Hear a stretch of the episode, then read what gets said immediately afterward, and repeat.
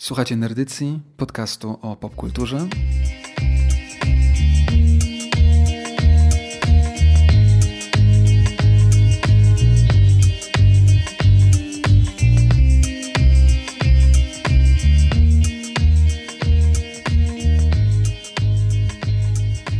Ja nazywam się Damian i jak zawsze jest ze mną Kuba.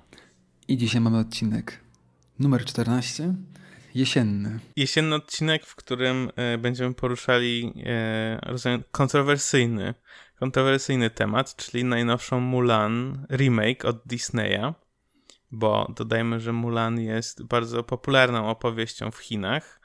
E, także mówimy teraz o jej Disneyow, disneyowskich interpretacjach. Tak, i będziemy się skupiać na nowym filmie. Tak. E, nie wiem, jak Twoje wrażenia, w sensie wiem, ale nie chcę spoilować jeszcze tutaj naszej publiczności z tego filmu. Natomiast dla mnie najlepsze, co z niego wyszło, to jest to, że e, jakoś e, zacząłem oglądać inne filmy związane z Chinami z gatunku Wuxia, który już się pojawił tutaj w naszym podcaście przy okazji Matrixa. Tak. I oglądałem chyba jeden z takich największych klasyków i najlepiej znanych filmów u nas, czyli e, Przyczajony Tygrys, Ukryty Smok, jeśli się nie mylę. Tak. I e, w line-upie tak, zwanych, tak zwanym jesiennym filmów mam ich już też kilka ustawionych. Mm -hmm. No Przyczajony Tygrys, Latający Smok to jest e, Angli, czyli tajwański e, reżyser. E, Wuxia jako takie, no głównie Hongkong. Tam, tam było ich dużo, tak historycznie też, tych filmów.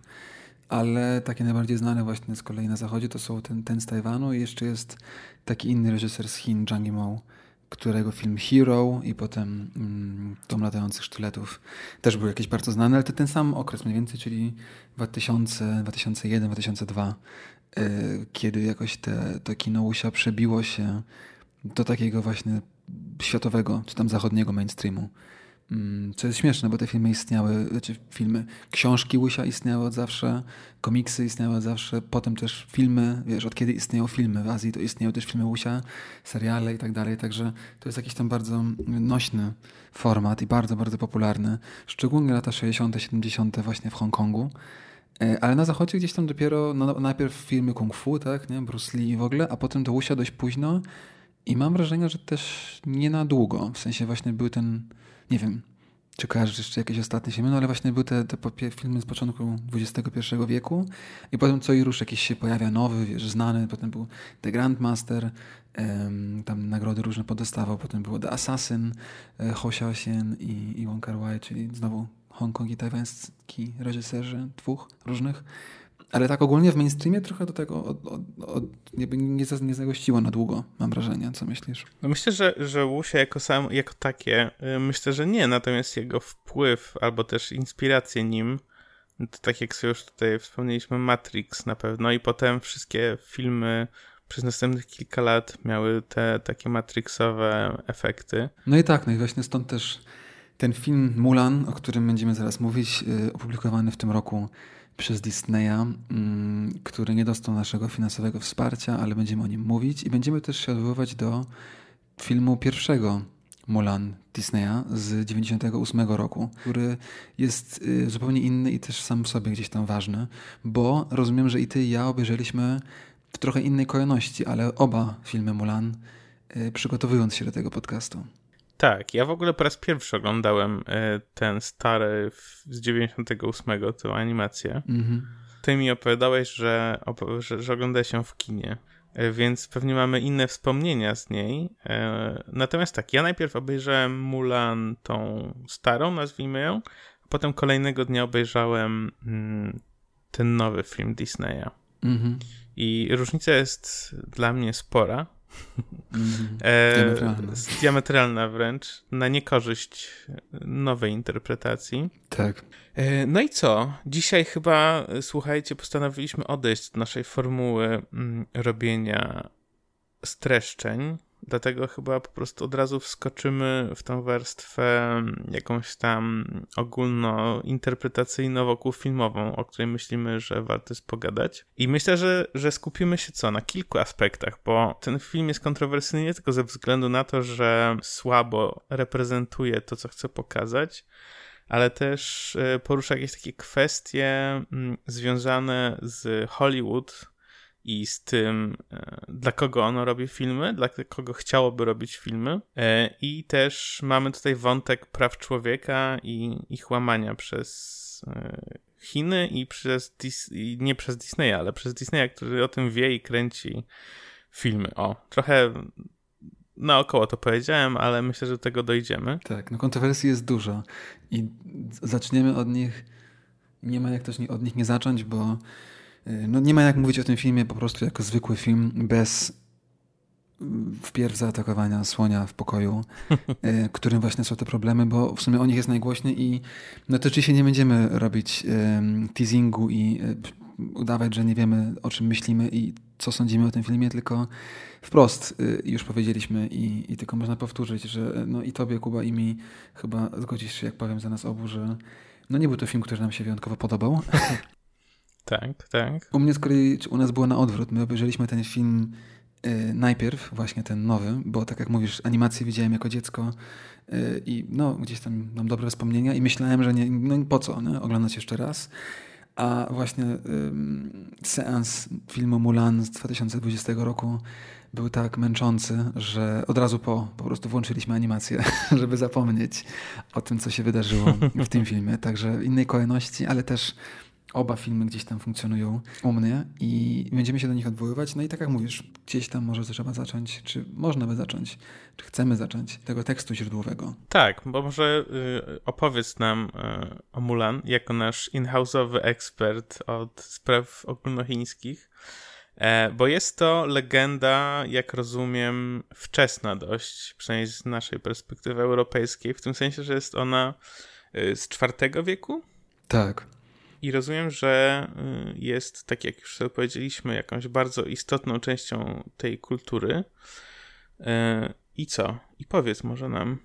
Ta legenda y, o Mulan gdzieś tam pewnie rzeczywiście bazuje na czymś prawdziwym, ale no tak jak wszystkie legendy, zmieniała się z czasem, została przepisywana i też opowiadana na różne sposoby.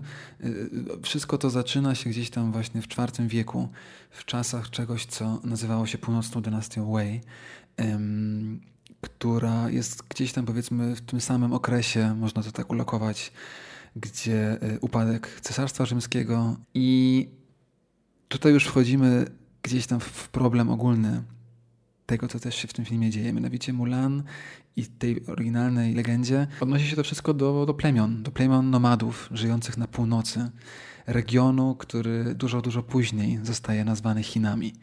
I y, ta najstarsza pisemna forma, przed którą się odnosi to wszystko, jest co prawda z XI wieku, ale nadal w tej pisemnej, spisanej balladzie z XI wieku nadal tak jest, że Mulan była wojowniczką y, w służbie Khana, a nie żadnego cesarza i była nomadem plemiennym która walczyła z innymi plemionami y, nomadów. I tak jak parę innych legend i opowieści, jest ona, no tak jak mówiliśmy, bardzo ważna do dzisiaj. Dzieci uczą się jej na pamięć w szkole, każdy ją zna. Y, no i też przez to, że ten, te, ta treść jest gdzieś tam ważna, nie? że jest kobieta, która idzie na wojnę, 10 lat walczy, y, i dopiero później się okazuje, że jest kobietą, bo przez te 10 lat E, ukrywa się jako mężczyzna.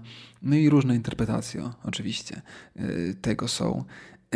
Głównym problemem, i trochę tutaj wyskakuje, ale wydaje mi się, że wa warto od tego zacząć, jest dokładnie to, że mamy tutaj do czynienia z czymś na wzór whitewashingu. Nie? Że w Stanach jest ten problem w Hollywood whitewashingu, że postaci niebiałe są grane przez białych aktorów, białe aktorki i to jest uznane za normę. Trochę podobnie jest tutaj, że mamy film, w którym Mulan i wszyscy główni bohaterowie są jak to nazwać, no nie białymi Chińczykami, ale w porównywalny sposób powiedzmy mainstreamowym Chińczykiem, czyli Han Chińczykami.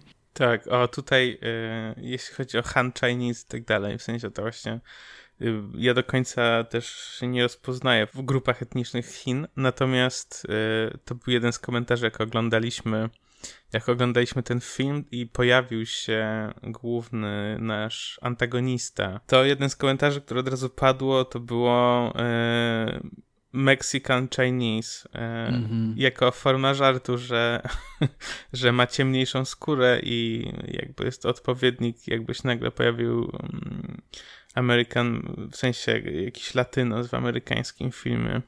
Tak, tak, tak. No właśnie, to jest ten problem i trochę wyskakuje, ale mówię o tym dlatego, że ta legenda i ta ballada Molan też tak była rozumiana w różnych momentach, w różny sposób i tak gdzieś tam została skooptowana przez mainstream też dzisiaj E, w Chinach. Mianowicie, że jest to opowieść o właśnie wojowniczce Han chroniącej cesarza. I w tym filmie to jest tak bardzo jasno pokazane, jak mówisz, że mamy do czynienia z białymi, w cudzysłowie, tak, czyli mainstreamowymi, czystymi, e, gdzieś tam etnicznie Chińczykami walczącymi z ciemnymi barbarzyńcami. I to w ogóle nie ma żadnego sensu historycznie, bo e, ci wszystkie, te wszystkie plemiona, które tam się przewijają, Rożan i parę innych istniały, to wszystko były powiedzmy protomongolskie plemiona i rzeczywiście walczyły ze sobą, ale to nie było tak, że oni walczyli, wiesz, z Chinami w cudzysłowie i to nie była walka jakichś takich właśnie w cudzysłowie białych Han, Chińczyków przeciwko ciemnym barbarzyńcom, tylko tak naprawdę walki plemienne na pograniczu czegoś, co tysiąc lat później zostanie nazwane Chinami. I to jest coś, z czym ja osobiście i też dużo innych ludzi ma ogromny problem, że Disney zupełnie bez myślenia o tym wpisuje się w kompletnie jakiś taki nie do końca fajny mm, element polityki obecnego rządu Chin. y, pod tytułem regiony północno-wschodnie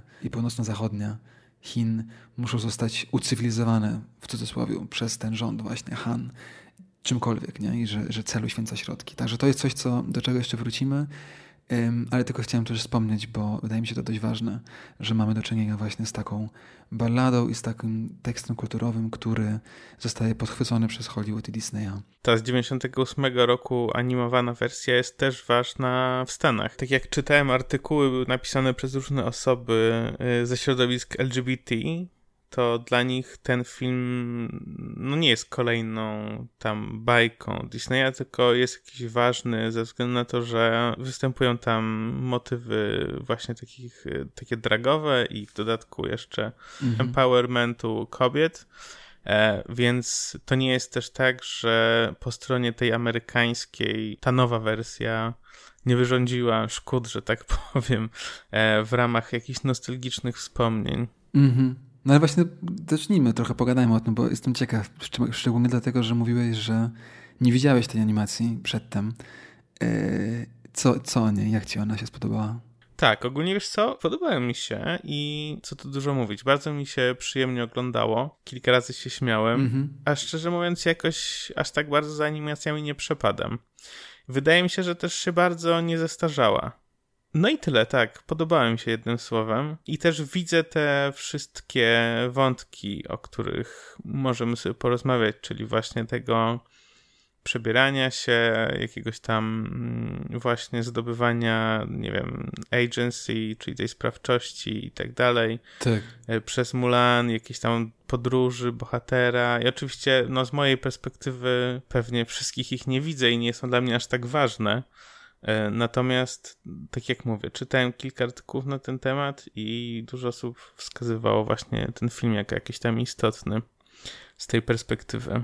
Tak, no ja podobnie byłem y, mega zaskoczony, bo mówię, widziałem go 20 lat temu i może jeszcze ze dwa razy jako dziecko, ale nie pamiętałem. I w ogóle tak często jest, nie? Jak się ogląda na nowo jako, jako dorosły, świadomy człowiek jakieś takie filmy, wydawałoby się dla dzieci, że zauważasz już zupełnie inne rzeczy w nim. I y, ja zupełnie zapomniałem, po pierwsze, jaki to jest super film, w sensie totalnie dobrze się bawiliśmy. był śmieszny i fajny.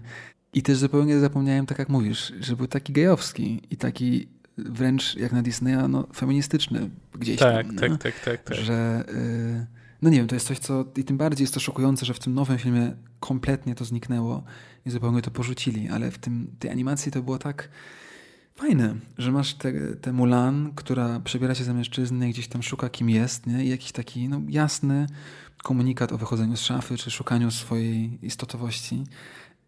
Po, przy okazji masz tego żołnierza, który się w niej zakochuje, ale nie zakochuje się w niej wiedząc, że jest kobietą, tylko zakochuje się w niej jako Mulan mężczyzna, nie? I masz ten cały aspekt jakiś tam biseksualny. No a pod koniec jeszcze było coś, co mi się, mi się w ogóle nie pamiętałem tego, co było super, że tych trzech sidekicków, żołnierzy, męż, męskich mężczyzn w ostateczną walkę wchodzi w dragu, nie? Przebranych za kobiety. I to było jakieś tak fajne yy, i, świeże też, nie? Mhm. No i do tego jeszcze dochodzi muszu. Co, jak ci muszu, czyli latający mały smok, znaczy latający, chyba nie latał. Czerwony smok, sidekick Mulan. Co o nim myślisz? No właśnie yy, oglądaliśmy film i padło pytanie, czy to jest Eddie Murphy. Ja mówię, Eddie Murphy, może.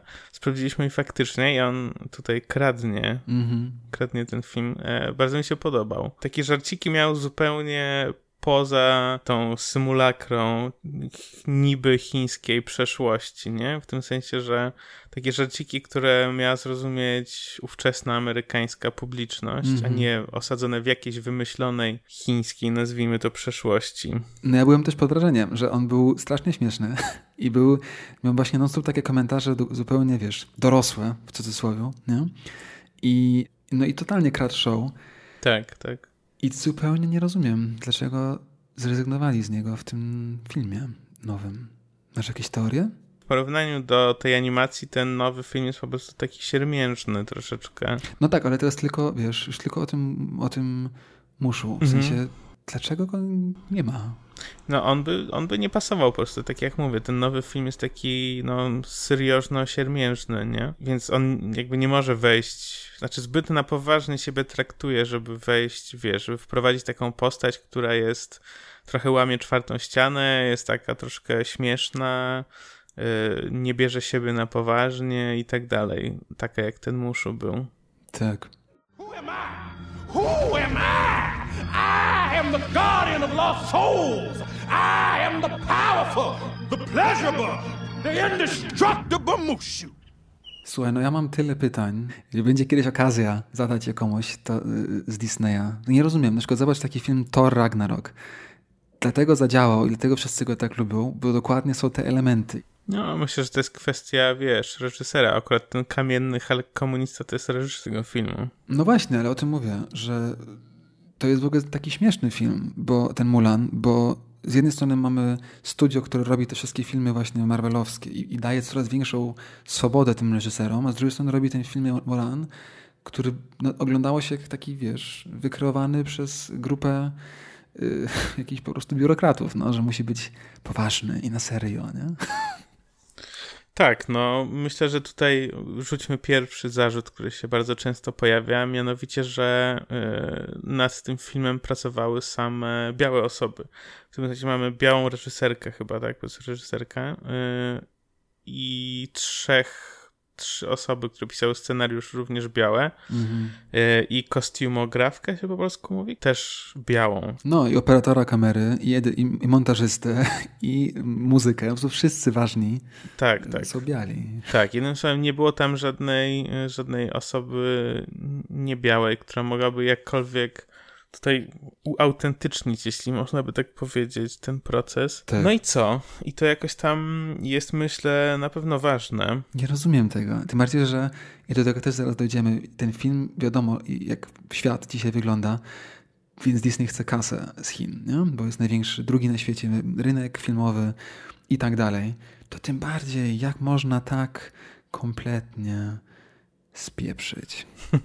No właśnie, bo Disney, Disney chce wyciągnąć chińską kasę. Chce wejść na chiński rynek. W związku z tym chce się przypodobać e, no, chińskim władzom, tak? Władze to jedno, ale czy, czy trzeba? Nie? To ja, ja w ogóle bym zadał pytanie, czy trzeba przypodobywać się jakimkolwiek władzom, jeśli chce się wyciągnąć hajsy od publiki, która chodzi na filmy? No tak, ale rozumiem, że w Chinach y, przede wszystkim jednak są te jakieś kwoty zachodnich filmów, które mogą być wyświetlane. 34 rocznie. Tak, no to jest dość mało. Tak. E, plus te filmy też prawdopodobnie muszą przejść przez jakąś akceptację. Tak jest, także to jest coś, co właśnie chciałem, żeby padło, tak? Że mamy do czynienia z cenzurą, koniec końców, nie? Tak. Która musi zaakceptować. W oczywisty sposób trzeba się przypodobać władzom, żeby móc wyświetlić ten film tam, nie? I jakby uszczknąć z tego rynku. Mhm. To już w jaki sposób Disney to zrobił, to inna sprawa, ale... No właśnie. W jaki sposób to zrobił? No, tak jak na razie sobie mówimy, nieudolny, prawda? E... Bardzo nieudolny. ja niestety nie pamiętam, jak się nazywa ta prowincja. Xing, Xinjiang? Xinjiang, no. Jak pewnie większość z Was wie, tam e, tej prowincji pod przykrywką walki z terroryzmem odbywają się jakieś bardzo mm, nieprzyjemne rzeczy, które zakrywają o łamanie praw człowieka. W sensie są jakieś obozy takie koncentracyjne, jakieś reedukacyjne, tak? Jeśli się nie mylę. Najprawdopodobniej tak jest. Tak, skupione na grupie etnicznej Ujgurów. Tak jest. I Disney, zakładamy, wiedząc o tym, postanowił kręcić w tej prowincji e, swój film. Można e, filmy kręcić w różnych miejscach. E, jeżeli chcieli mieć piękne przestrzenie pustynne, to mogli pojechać gdziekolwiek indziej. I też nie jest tak, że w tych innych miejscach jest wyjątkowo lepiej. Tak? Wszystkie Gwiezdne Wojny, na przykład w Jordanii. Pytanie, na ile tam system polityczny jest fajniejszy, czy mniej fajny. Czy w Arabii Saudyjskiej, czy w Afganistanie. Tak? W tym konkretnym przypadku to pytanie trochę nie działa, ponieważ mamy do czynienia z filmem robionym w Hollywood, który jest o chińskiej balladzie, czy bazuje na jakiejś tam chińskiej legendzie i jest zrobiony dla Chin. W związku z tym ta decyzja, żeby robić ten film i kręcić go nie tylko po prostu w Chinach, ale właśnie w Xinjiangu, no jest jakoś tam powiedzmy podwójnie problematyczna. Nie? I jeszcze kolejnym elementem jest to, że Disney się tym za bardzo nie chwalił. I to też pokazuje ciekawie, że gdzieś tam ktoś może wiedział, czy wyczuwał problem z tym. I dopiero jak ten film się pojawił na Disney Plus, na serwisie streamingowym i ktoś zaczął to oglądać i zobaczył daleko, wiesz, zagrzebane w napisach końcowych właśnie podziękowania. Standardowe, to nie jest nic niezwykłego, zawsze się dziękuję. Takie filmy zawsze dziękują różnym urzędom, gdzie kręciły się, także to nie jest nic specjalnego, ale właśnie w tym wypadku podziękowania y, organom propagandowym i y, bezpieczeństwa publicznego w Xinjiangu, no to oczywiście pojawiło się dużo pytań. I czy to jest ok? Czy tak trzeba? No, pytanie jest, czy koniecznie musiała być to ta prowincja. Z drugiej strony natomiast pytanie, no właśnie, na ile, na ile to była jakaś decyzja w sensie, bo no, nie sądzę, żeby Disney postanowił legitymizować takie działania, prawda? Natomiast no, co najmniej niefortunnie się to wszystko złożyło. Jeżeli nas słuchają przedstawiciele Disney Polska, to bardzo chętnie mogą się do nas odezwać i sprostować. Ale no nie wiem, ja bym chyba wypuścił taką nić interpretacyjną, że to nie do końca jest nieświadome, co tam się dzieje. Bo tak jak zacząłem mówić przedtem y, we wprowadzeniu, no jeżeli mamy do czynienia z interpretacją opowieści o Mulan w taki sposób, że ten film gdzieś tam koniec końców przedstawia ci etnicznie chińską Han Mulan w opozycji do barbarzyńców z północy, podczas gdy najprawdopodobniej pierwotnie było zupełnie inaczej. I to jeszcze dzieje się wszystko w kontekście dzisiejszych granic kraju Chińska Republika Ludowa, które są utożsamiane z Chinami w IV wieku, w kompletnym historycznym anachronizmie. I to się dzieje jeszcze w momencie, w którym no, wiadomo, coś, co się, że coś się dzieje złego w Xinjiangu. I jeszcze do tego czasu, do tego wszystkiego, jak cesarz w filmie Mulan nawołuje wojska do obrony jedwabnego szlaku, który w ogóle nie istniał wtedy. I, i był kompletnie czymś, co się wydarzyło 1200 lat później w tych regionach, no to wiesz, gdzieś tam z tego tworzy się jakieś pytanie, na ile ludzie, którzy stworzyli ten film, rzeczywiście są głupi, a na ile po prostu na taki głupi sposób chcieli się wpisać właśnie w wyobrażone przez nich oczekiwania czy cenzorów, czy publiki chińskiej. No. Tak, no mi się, mi się wydaje, że w sensie cały, ca, cały ten kontekst jakby świata przedstawionego w Mulan, to jest jakiś taki zlepek różnych rzeczy, które nam się kojarzą z Chinami mhm. dla, w sensie dla amerykańskiej publiczności i szerzej dla europejskiej. I to jest jakieś takie zawieszone poza czasem, poza konkretnym poza konkretną sytuacją historyczną, w tym sensie właśnie tak jak rozmawialiśmy sobie o tych domach, w którym mieszka Mulan. Ty napisałeś mi, że to jest bardzo konkretny rodzaj budynku, który funkcjonuje w ramach jakiejś bardzo konkretnej mniejszości etnicznej, czy też grupy, która mieszka w bardzo specyficznym miejscu w Chinach. Mhm. I tak naprawdę nie występuje poza nią. Tak? Czyli to jest jakiś taki zlepek różnych rzeczy, które są ładne wizualnie, z jednej strony, z drugiej strony, które nam się kojarzą, czyli właśnie jedwabny szlak, a z trzeciej strony to jest wszystko umieszczone w jakimś takim świecie poza czasem, wyobrażonych jakichś starożytnych czy średniowiecznych Chinach, tak? Bo tak naprawdę nie wiesz, czy to się dzieje w X wieku, w IV, w XVI, w tym sensie, że tak naprawdę nie ma to znaczenia koniec końców, bo jest historycznie jakoś tam nie nawet nie stara się na jakąś historyczną poprawność, tak mi się przynajmniej wydaje, popraw mnie. Tak, ale myślę, że to wszystko, co mówisz, to jest prawda. Um, ale trzeba by być bardzo miłym w stosunku do Disneya, żeby jakby ten film tak, wiesz, bronić. Znaczy ja go nie bronię, to był atak.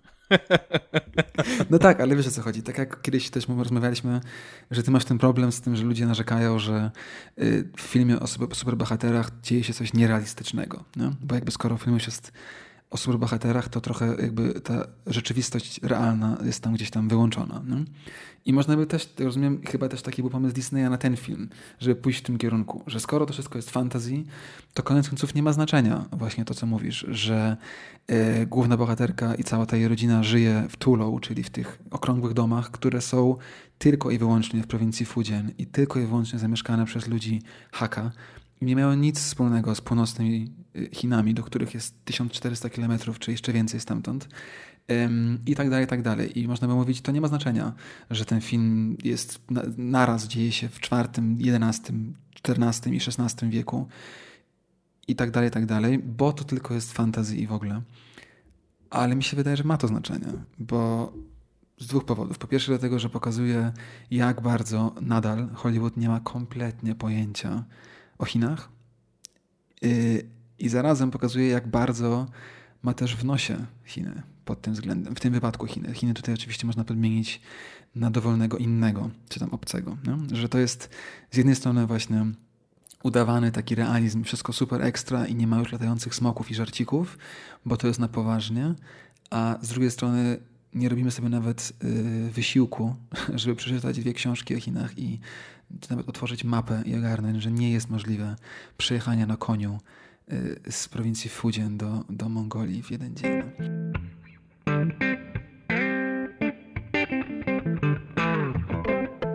Dokończmy wątek polityczny. Druga rzecz, no to yy, Liu Yifei, E, czyli ta główna aktorka, która gra Mulan, jakoś bardzo wspierała na Twitterze działania policji e, w Hongkongu, która tłumiła protesty. Tak. Co jest jakoś tam problematyczne, wydaje mi się. No, dlaczego? Dlaczego? No. tak naprawdę te krytyki gdzieś tam sprowadzają się do, do, tego samego cały czas. Ale znowu, no jeżeli z jednej strony Hollywood próbuje wejść w Chiny i zrobić film gdzieś tam bardzo mocno dla E, chińskiej widowni, ale zarazem, i to jest główny problem chyba tego filmu, taki rozkrok, że Disney z jednej strony chciał być bardzo mocno popularny w Stanach, no bo Disney, Mulan, popkultura i w ogóle, i to miał być ich letni blockbuster, tylko że koronawirus. Niestety to gdzieś tam im e, zaprzepaścił, albo niestety, a zarazem być bardzo popularny w Chinach. I to jest coś, co moim zdaniem non-stop widać, że z tego rozkroku e, no, wyszła im kupa. Może wytniemy. Nie, nie, musimy to zostawić. E... Ale tak jak mówisz, no, film nakręcony, czyli po pierwsze mamy problem Xinjiangu, to już zostało powiedziane. Drugi problem polityczny jest Hongkong i główna aktorka, aktorka która wspiera, czy wyraża, wyraża poparcie dla policji podczas tłumienia prodemokratycznych protestów. I to znowu w innym czasie pewnie, czy w innych sytuacji światowej, pewnie gdzieś tam nawet nie miałoby znaczenia, nie? ale w erze Twittera i social media to wszystko wyrasta do ogromnej rangi, tym bardziej, że te hongkońskie ruchy są bardzo mocno aktywne online. Więc wszyscy ci aktywiści od razu rzucili się na to i zaczęli robić cały, wiesz, hashtag bojkot Mulan. Um, nie wiem, ja jakby Xinjiang jasno stoję y, z oceną. Uważam, że to jest złe kręcić filmy w takich miejscach. Naganne moralnie. Czy to, że aktorka czy aktor grający główną rolę w danym filmie ma konkretne jakieś poglądy na jakiś temat, który może nie są moimi poglądami, czy to jest równoznaczne z tym, że trzeba ten film bojkotować? Nie wiem.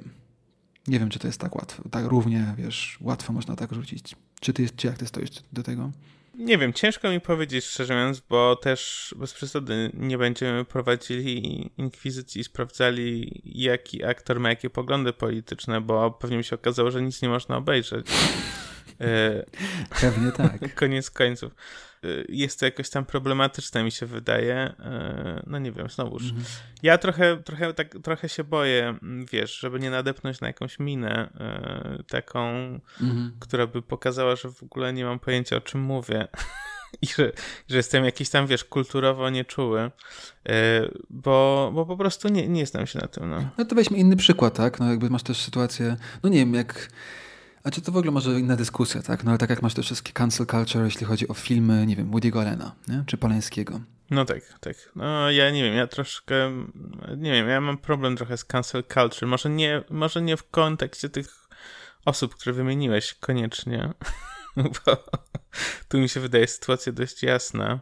No natomiast tak, tak, tak. Nie, nie, musimy w to wchodzić jak nie chcesz, ale no, taki mamy dzisiaj odcinek, że w ogóle trochę będziemy chyba mówić o Hollywood szerzej, nie? Na początek sezonu. No nie no, to wiesz, za, zaatakuj mnie. Nie, nie, to nawet nie chodzi o ciebie, tylko tak, wiesz, potencjalnie słuchaczki i słuchaczów może zszokujemy, ale no któregoś razu jakby dałeś rekomendację e, chyba Rosemary's Baby, nie? I, I, wtedy rozmawialiśmy, czy to jest ok, czy nie ok. I tak, tak. Ja jestem raczej z tej szkoły, że uważam, że... Yy trzeba mówić o pewnych rzeczach i je wyciągać na wierzch i wobec nich się sytuować, raczej niż chować się w piasku i mówić Woody Allen nie istnieje. Także to jest jakby coś, co ja bym powiedział ogólnie. Uważam, że Polański zrobił bardzo dobre filmy, ale to nie tylko on je robił, nie? Był też kamerzysta, aktorzy i tak dalej, i tak dalej.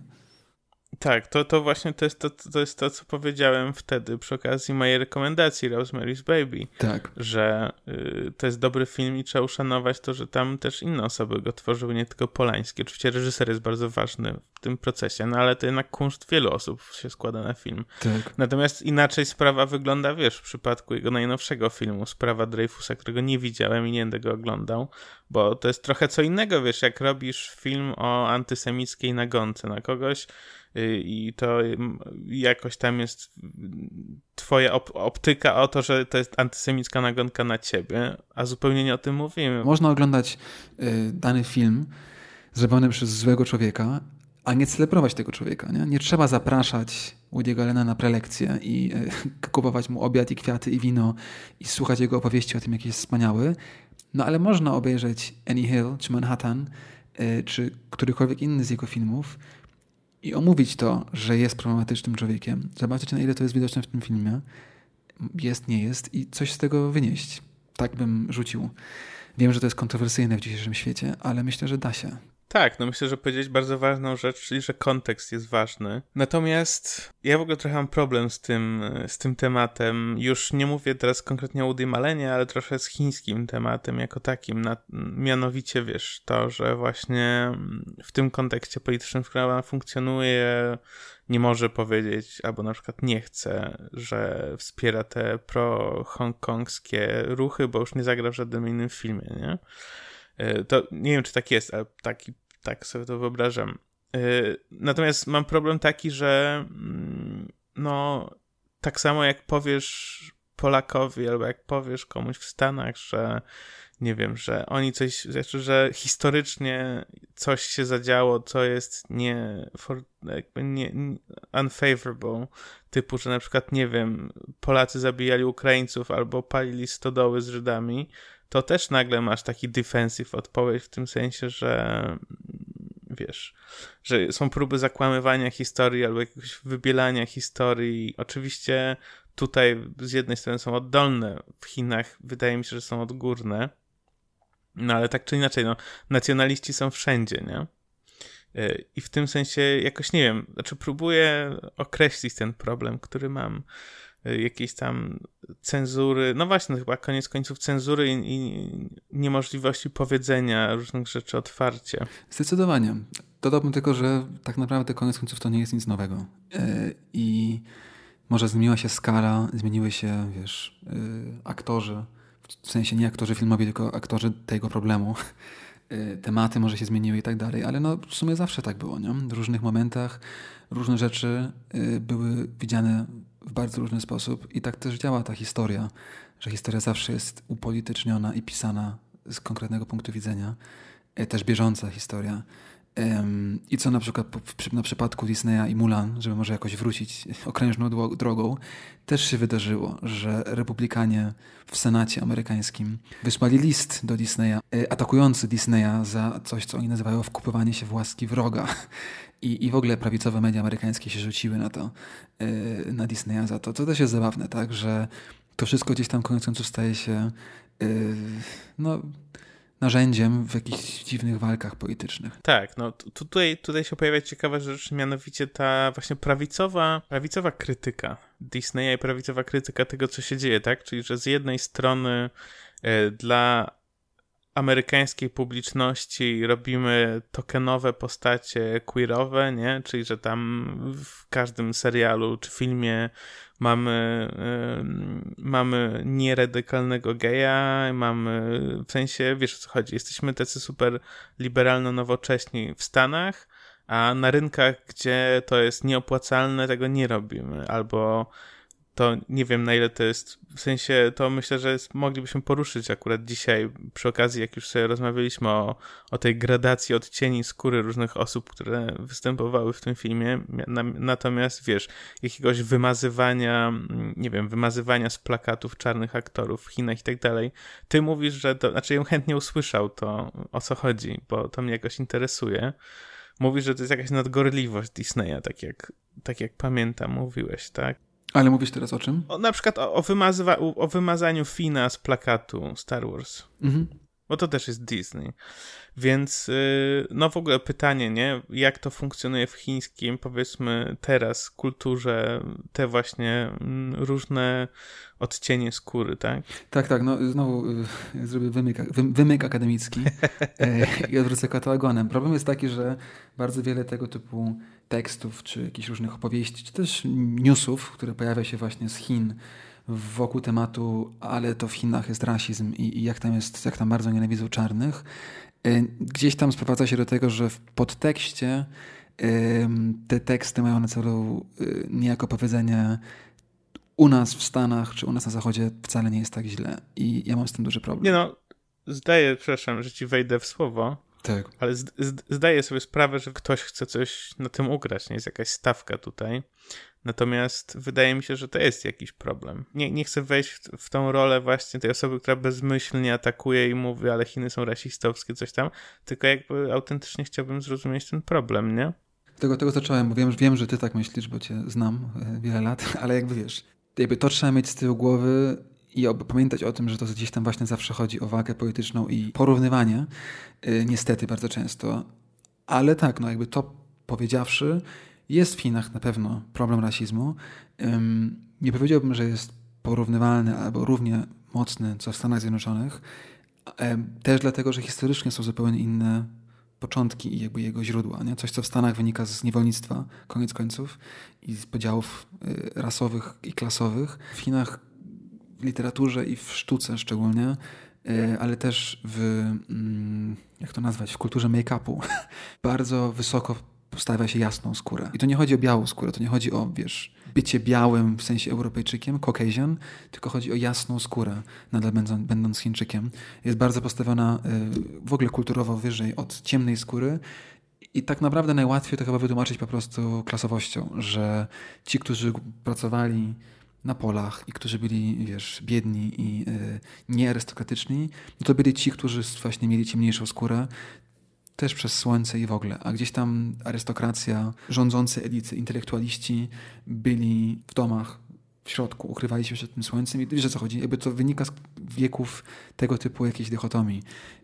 No i niestety jest tak, że w dzisiejszych Chinach to gdzieś tam się łączy też z takim bardziej współczesnym, klasycznym rasizmem, no bo oczywiście jest mnóstwo czarnych e, ze świata, ale też szczególnie e, bardzo dużo ludzi z Afryki e, w Chinach pracuje, żyje, szczególnie na południu, w Guangzhou. No i na pewno jest bardzo duży problem w różnicach kulturowych. I gdzieś tam z tego też wynika, że to się łączy No i koniec końców, tak jak już wspomniałeś, no, najbardziej chyba znana właśnie sytuacja, czyli John Boyega, aktor grający, grający Fina w Gwiezdnych Wojnach nowych, trzech, yy, który na plakacie na zachodzie miał jedno z głównych miejsc, a w Chinach w ogóle z tego plakatu zniknął prawie, był gdzieś tam w rogu.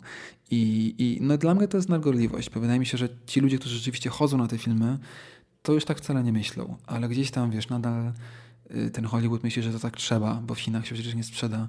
Także gdzieś tam to jest jakaś taka mieszanka, wiesz, niezrozumienia, oczekiwania, y, dwustronnego rasizmu, może orientalizmu. No ale tak, jest, jest z tym problem i no i niestety też często to się przewija, no.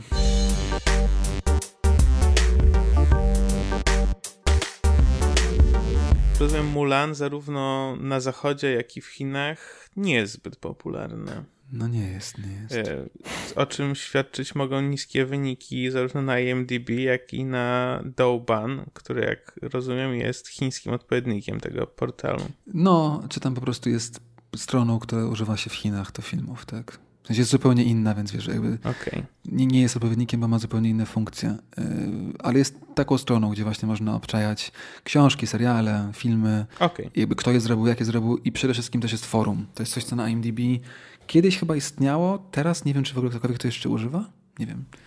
Forów? Nie wiem. Ciężko powiedzieć. Na, na Doban jest to bardzo istotne, że właśnie widzowie komentują, dyskutują. To jest coś tego typu trochę, trochę może jak teraz Reddit na zachodzie, nie? Przejął ten taki -hmm. element fora. Wiesz o co chodzi? Tak, tak, tak. No właśnie, to opowiedz nam o zachodzie. Jak tam, się, jak tam Mulan na zachodzie? No więc jeśli chodzi o IMDb, on ma 5,4 na 10 a na Rotten Tomatoes ma 51% publiczności wynik i 75% z jakiegoś powodu e, recenzentów, chociaż podobno to jest jakoś dziwnie liczone. Także y, nie najlepiej. Y, nie najlepiej. A powiedz ty mi, jak w takim razie wygląda to od strony chińskiej? No w Chinach tak samo. Y, tak naprawdę ten sam, te same wyniki na Douban 4.9, więc całkiem to jest ciekawe, że tak go zjechali.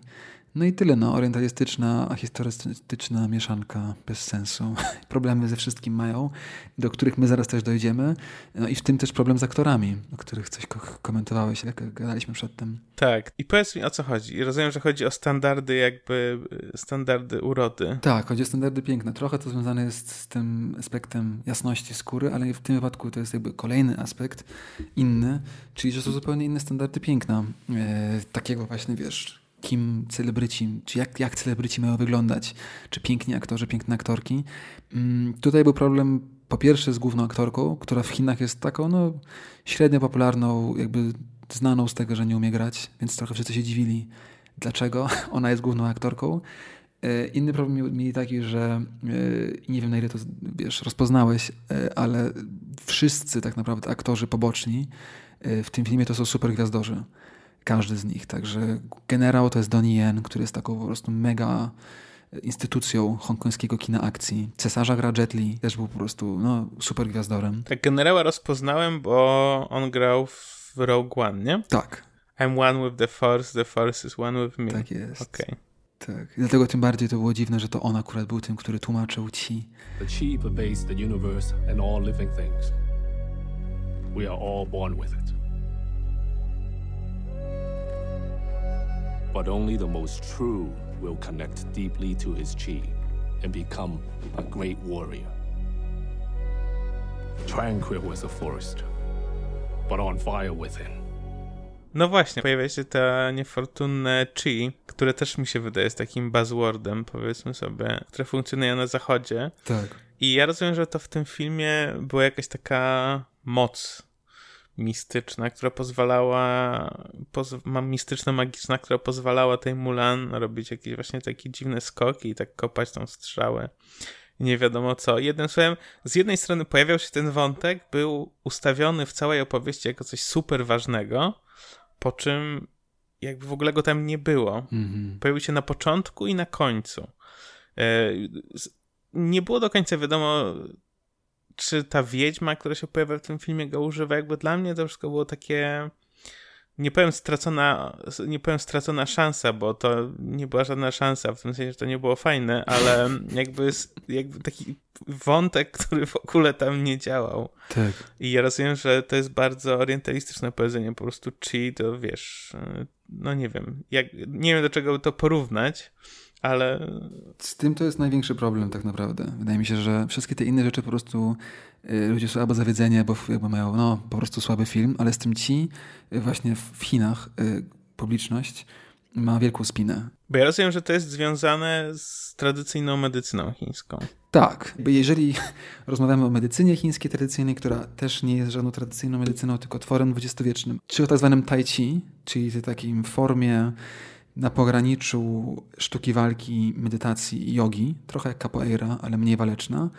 Yy, teraz mnie wszyscy tai chi masterzy zaatakują, ale i tak naprawdę to jest tak, no. Chi to jest coś, co yy, jakby w tym filmie gdzieś tam było nam powiedziane, czy zostało ono użyte jak coś, jak wiesz, The Force w Gwiezdnych Wojnach, nie? w jakiś sposób, że to jest coś, co istnieje w niektórych ludziach, w innych nie istnieje, gdzieś tam można to nie wiem, trenować i to jest kompletny bullshit. Y, ci, jakby, jeżeli w ogóle istnieje jakieś ci, to, y, to jest to coś, co właśnie ludzie praktykujący Qigong albo Tai Chi próbują gdzieś tam w sobie Y, polepszać. I to jest najłatwiej, czy najlepiej może to gdzieś tam przetłumaczyć jakaś taka, wiesz, wewnętrzna harmonia, czy balans.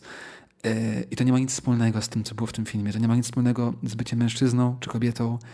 Y, I to w ogóle nie ma nic wspólnego z jakąkolwiek mocą czy niemocą.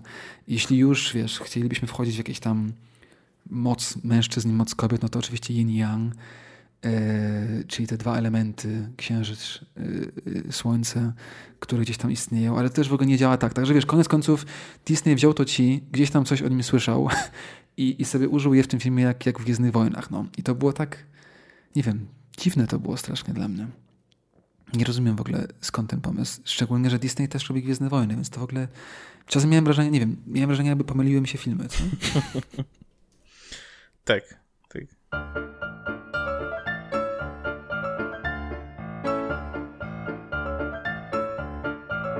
No ale jak ty to widzisz w kontekście tej, tego elementu feministycznego? Mówisz o Mulan pierwszej czy, czy, czy, czy drugiej? No jakby w ogóle w tej opowieści, no i właśnie pytanie, na ile w tym pierwszym i na ile w tym drugim są, nie ma i co się z nim dzieje? No ja, ja znowu może się powołam na osoby, którym jest to bliższe, czyli na różne komentatorki, które oglądałem na YouTubie, które rozmawiały o tym filmie. Yy, I dla nich, i dla mnie też jest tak, że mm, to, o czym wspomniałem na samym początku, czyli że w tej pierwszej animacji jest pewnego rodzaju droga do przejścia. E, I że tak naprawdę z normalnej osoby, czy też z normalnej dziewczyny, ta Mulan staje się jakąś tam wojowniczką, która najpierw udaje kogoś innego, a potem okazuje się, że może być sobą i uratować Chiny, tak? Czyli może być dziewczyną, która jest najpierw normalna, potem musi udawać, a na koniec, koniec końców robi jakiś coming out i jest y, przez to wzmocniona, w tym sensie empowered, cały czas używam słowa wzmocniona, mm. nie o to chodzi, e, że jest jakaś empowered i może być sobą i może być zajebista, a z drugiej strony w tym nowym filmie ona od samego początku jest ustawiona jako właśnie raz ze względu na to swoje chi, z, drugiej strony jest pokazane, że od, sam, od, od dzieciństwa jest jakimś, jakąś mistrzynią walki mieczem e, i tak dalej. I w tym wypadku nie mamy już tej drogi, tylko raczej mamy jakąś wybraną osobę, która jest predestynowana do tego, żeby być zajebista, natomiast cała reszta tych dziewczyn, w tym jej siostra, która zresztą dziwna decyzja, że zamiast y, tej piastunki swojej z animacji nagle się pojawia siostra. Ta siostra na sam koniec filmu, jak Mulan przyjeżdża, to pierwsze co mówi to o, zostałam, z, zostałam sparowana z jakimś mężczyzną i będę brać ślub. Mm -hmm. I to jest, wiesz, po tym jak Mulan właśnie była na kampanii wojskowej, się nie widziała i tak dalej. No więc y, tutaj zdecydowany downgrade, tak. jeśli chodzi o feministyczne sprawy i to nie mówię ze swojej perspektywy, tylko z perspektywy osób, tak. które bardziej to dotyczy.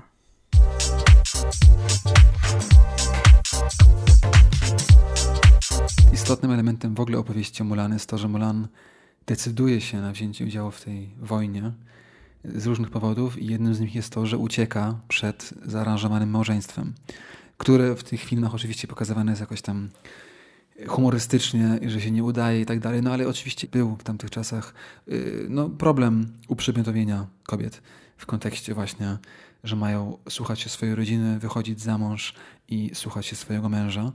Mm, a tu mamy do czynienia z Mulan, która się z tego kompletnie wyrywa nie? I, i, i dołącza do najbardziej męskiej zabawy, jaką jest wojna. I tak jak mówisz, jak wraca, to po pierwsze, pierwsze co słyszymy, to to, że ta jej siostra już jakby jest kompletnie w to wprowadzona, w tę trajektorię właśnie bycia kobiecą kobietą w cudzysłowie, taką jaką ma być. E, no a po drugie przez to ci cholerne, które Mulan tutaj ma, to w ogóle nie staje się reprezentatywne dla wszystkich kobiet, tylko ona staje się jakoś taką superheroską, nie? która jest lepsza, bo ma ci. I to w ogóle już nie jest o tym, że kobieta jest równa mężczyźnie, że patriarchalizm jest zły, tylko to się nagle staje jakimś zupełnie nieoddolnym filmem o, o superbohaterach, co jest strasznie dziwne, bo tak jak wspomnieliśmy, w tej animacji jest to dużo bardziej na pierwszym planie. I jakby stąd moje pytanie non-stop i jakby takie skonfudowanie. Dlaczego film z lat 90., które wiemy, że były jakie były, jeśli chodzi o aspekty męskie, damskie, LGBT i w ogóle, jeżeli jest remakeowany w latach 2020, jest dużo mniej progresywny nie? i jakby kompletnie traci to, co miał 20 lat temu. Tak, tak. Wydaje mi się, że wiesz, jakby tutaj troszkę, troszkę wydaje mi się, że jest kwestia medium. W sensie animacji, jednak w animacji można troszkę więcej pokazać rzeczy i one są bardziej akceptowalne. W tym sensie, y, że może być bardziej progresywna. Nie wiem, czy wiesz o co mi chodzi. Tak. W tym sensie, że jakby w animacji więcej rzeczy uchodzi nawet w konserwatywnym społeczeństwie niż gdyby to byli prawdziwi aktorzy. I wydaje mi się, że tutaj jest troszeczkę można się zastanowić, czy to nie jest tak, że właśnie przez to wszystkie te live action, czyli te z aktorami remake'i Disneya dla mnie są beznadziejne. E, chociaż tak naprawdę widziałem jeden, ale wydaje mi się, że są beznadziejne. Mam wrażenie, że po prostu przerabianie bajek na, na filmy prawdziwe, że tak no i powiem, nie działa. I nie działa z jakiegoś powodu i nie widziałem jeszcze dobrej, dobrego remake'u takiego. Tak jak mówisz, to nie jest pierwszy remake Disneya i na pewno nie będzie ostatnim. I to jest jakiś taki nowy fenomen kulturowy, dla mnie przynajmniej. Gdzieś tam od co? 2014-15 chyba zaczęło się od Kopciuszka nowego, potem co było? Było Piękny Bestia, Król Lew, Księga Dżungli, Aladdin chyba było, nie? Co jeszcze było? Yy...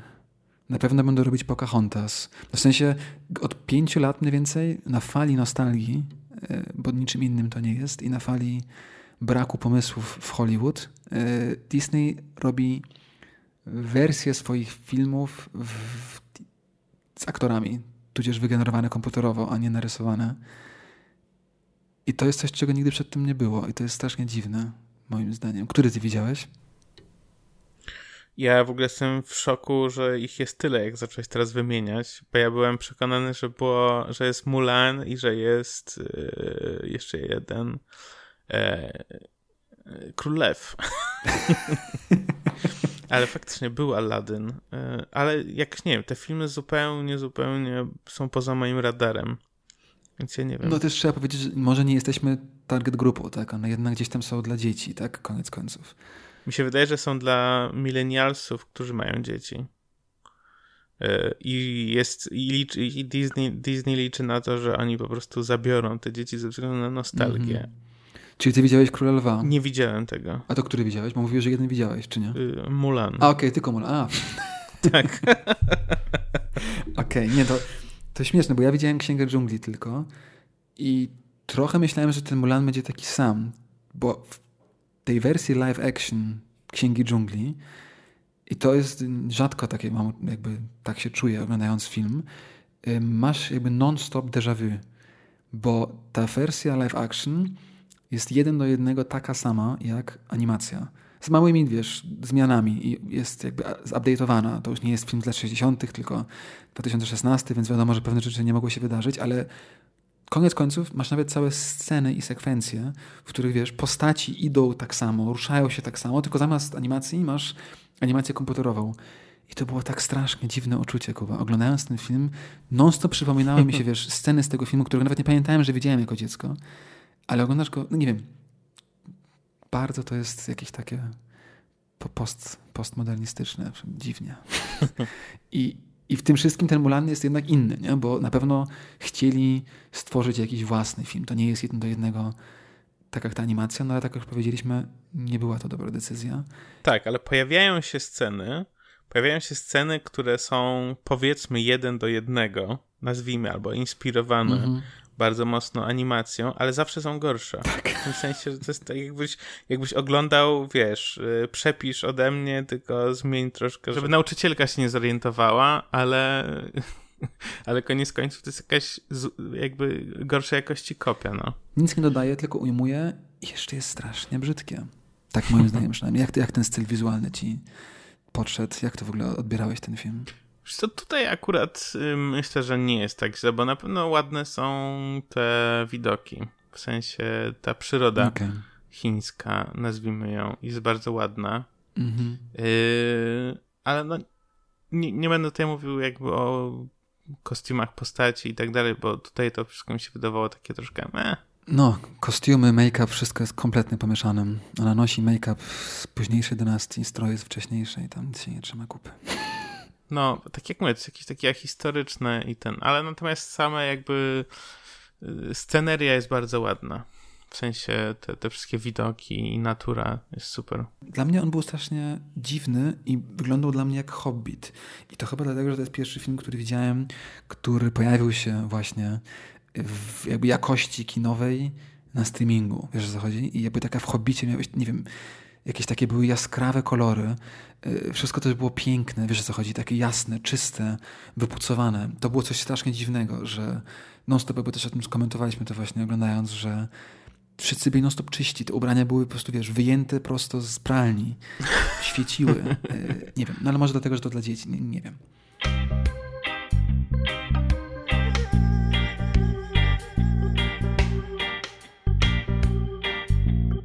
W ramach researchu do dzisiejszego odcinka też jakoś przewinęło mi się, że problematyczna jest wiedźma. I ktoś, ktoś powiedział mi, e, mądry, że wiedźmy jako takie na pewno w tej europejskiej formie, czy też amerykańskiej, jakieś tam nie występują w chińskiej kulturze. Tak, no z Wiedźmą są y, jakieś tam trzy główne problemy. No, pierwszy jest taki, że tak jak mówisz, jakby Wiedźma w tej formie, jak tutaj się pojawia, jest taką klasyczną Wiedźmą y, braci Grimm. Takich Wiedźm nie ma, y, w ogóle nie występują i w ogóle Wiedźma jako taka rzeczywiście nie występuje. Są jakieś tam, wiesz, pomysły typu szamanki i szamani, czy jakieś y, postaci duchowo-spirytualne, ale Wiedźm jako takich nie ma, więc to było strasznie niezrozumiałe i to też chińscy widzowie komentują bardzo dużo, że, że dlaczego.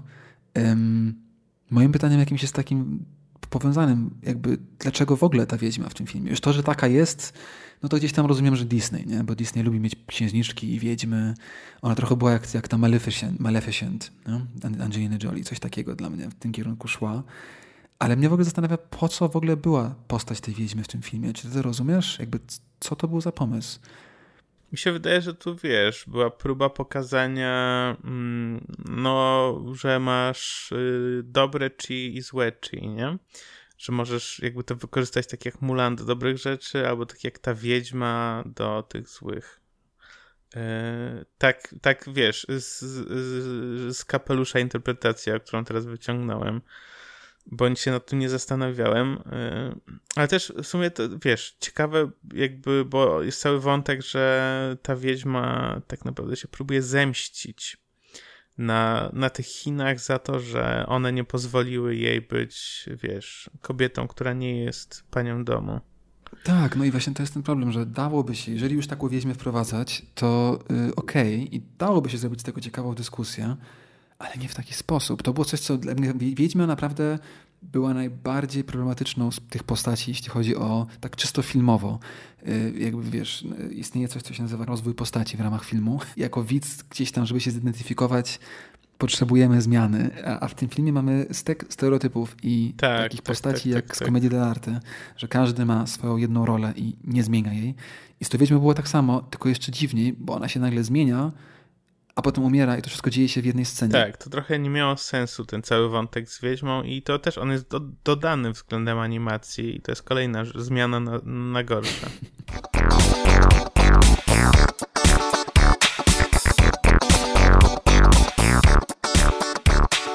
No dobra, to co? Podsumowanko. Podsumowanko. No nie wiem, bo dzisiaj tak właśnie skakaliśmy trochę, takich gdzieś tam może trochę chaotyczny, ale myślę, że powiedzieliśmy, co chcieliśmy powiedzieć. No i też w ogóle rozmawialiśmy o tym, Hollywood, Chinach i tak dalej, szerzej. Także może tym zakończymy. Co myślisz? Myślisz, że będą jakieś konsekwencje dla Disneya i dla Hollywood z tego, czy zostanie zapomniane i tyle? Myślę, że jedyną konsekwencją, jedyny przypadek, w którym cokolwiek Disney by z tym zrobił, to jest jeśli nie pójdzie mu box office i ten film nie zarobi. Bo koniec końców, jakkolwiek te korporacje próbują być progresywne i tak dalej, to koniec końców chodzi o to, że muszą zarabiać pieniądze. Więc y, nie ma się co łudzić, że tutaj będą szły w jakąkolwiek tak. dobrą stronę, jeśli im się to nie opłaca. Tak, tak. Tak negatywnie zakończę tę rozmowę. No ale taka prawda i dlatego to jest ciekawe, bo na razie no to wygląda, że się nie opłaci. Przynajmniej czytając te wszystkie opinie i złe komentarze i krytykę, zarówno polityczną przez Xinjiang i Hongkong, jak i y, treściwą, jeśli chodzi o to, jak słaby jest ten film.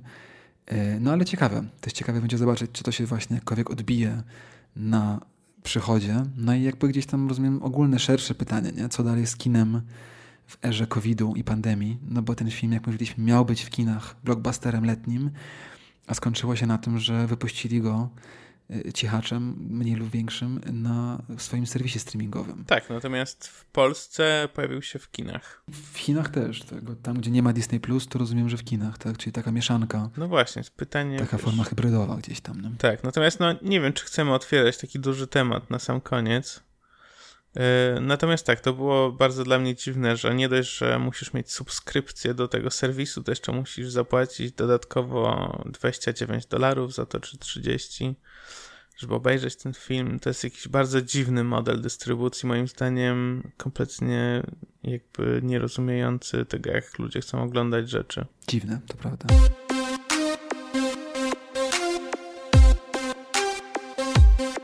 No dobra, Damian, to co? Przechodzimy do rekomendacji. Polecamy animację, nie polecamy remake'u i przechodzimy do rekomendacji. Co dzisiaj dla nas masz, Kuba? W tym odcinku będę rekomendował Twin Peaks. Oh. Który ostatnio sobie oglądamy i jest. Y, ja oglądałem kilka odcinków bardzo dawno temu, mm. w liceum jeszcze. Y, I zupełnie nie doceniałem tego wtedy. Teraz natomiast bardzo przyjemnie się Twin Peaks ogląda, szczególnie pierwszy sezon. Jesteśmy mm. w drugim odcinku drugiego sezonu. Jesteśmy po pierwszym sezonie.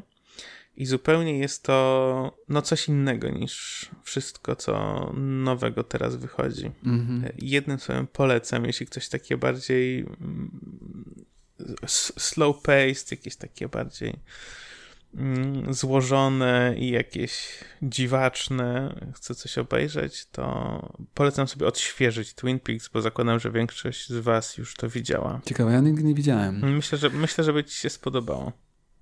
Możesz tutaj zrobić wyjątek, jeśli chodzi o twoje nieoglądanie seriali. No dobra, ja zarekomenduję książkę, y, którą ostatnio przeczytałem, która y, wyszła też po polsku. Po polsku ma tytuł Ewangelia według węgorza. I, jest to książka o węgorzach. Hmm. I wiem, że to może nie brzmi wyjątkowo fascynująco, ale nie, jest naprawdę Y, byłem pod wrażeniem, bo jest książka, która łączy fa faktową, faktualną opowieść o tym, czym jest węgorz i to jest, y, no nie zdawałem sobie sprawy, że węgorz jest tak niesamowicie niezrozumiałym i dziwnym zwierzęciem, y, mhm. z opowieścią o, o, relacji ojca i z autorem w Szwecji i to tam gdzieś się sprowadza do, do polowania wspólnego na węgorze, ale nie tylko. Jest dziwną książką, która właśnie używa takiej formuły naprzemiennej, żeby gdzieś tam opowiedzieć może o czymś, wiesz, głębszym, o życiu czy o relacjach. Zaciekawiłeś mnie. To co?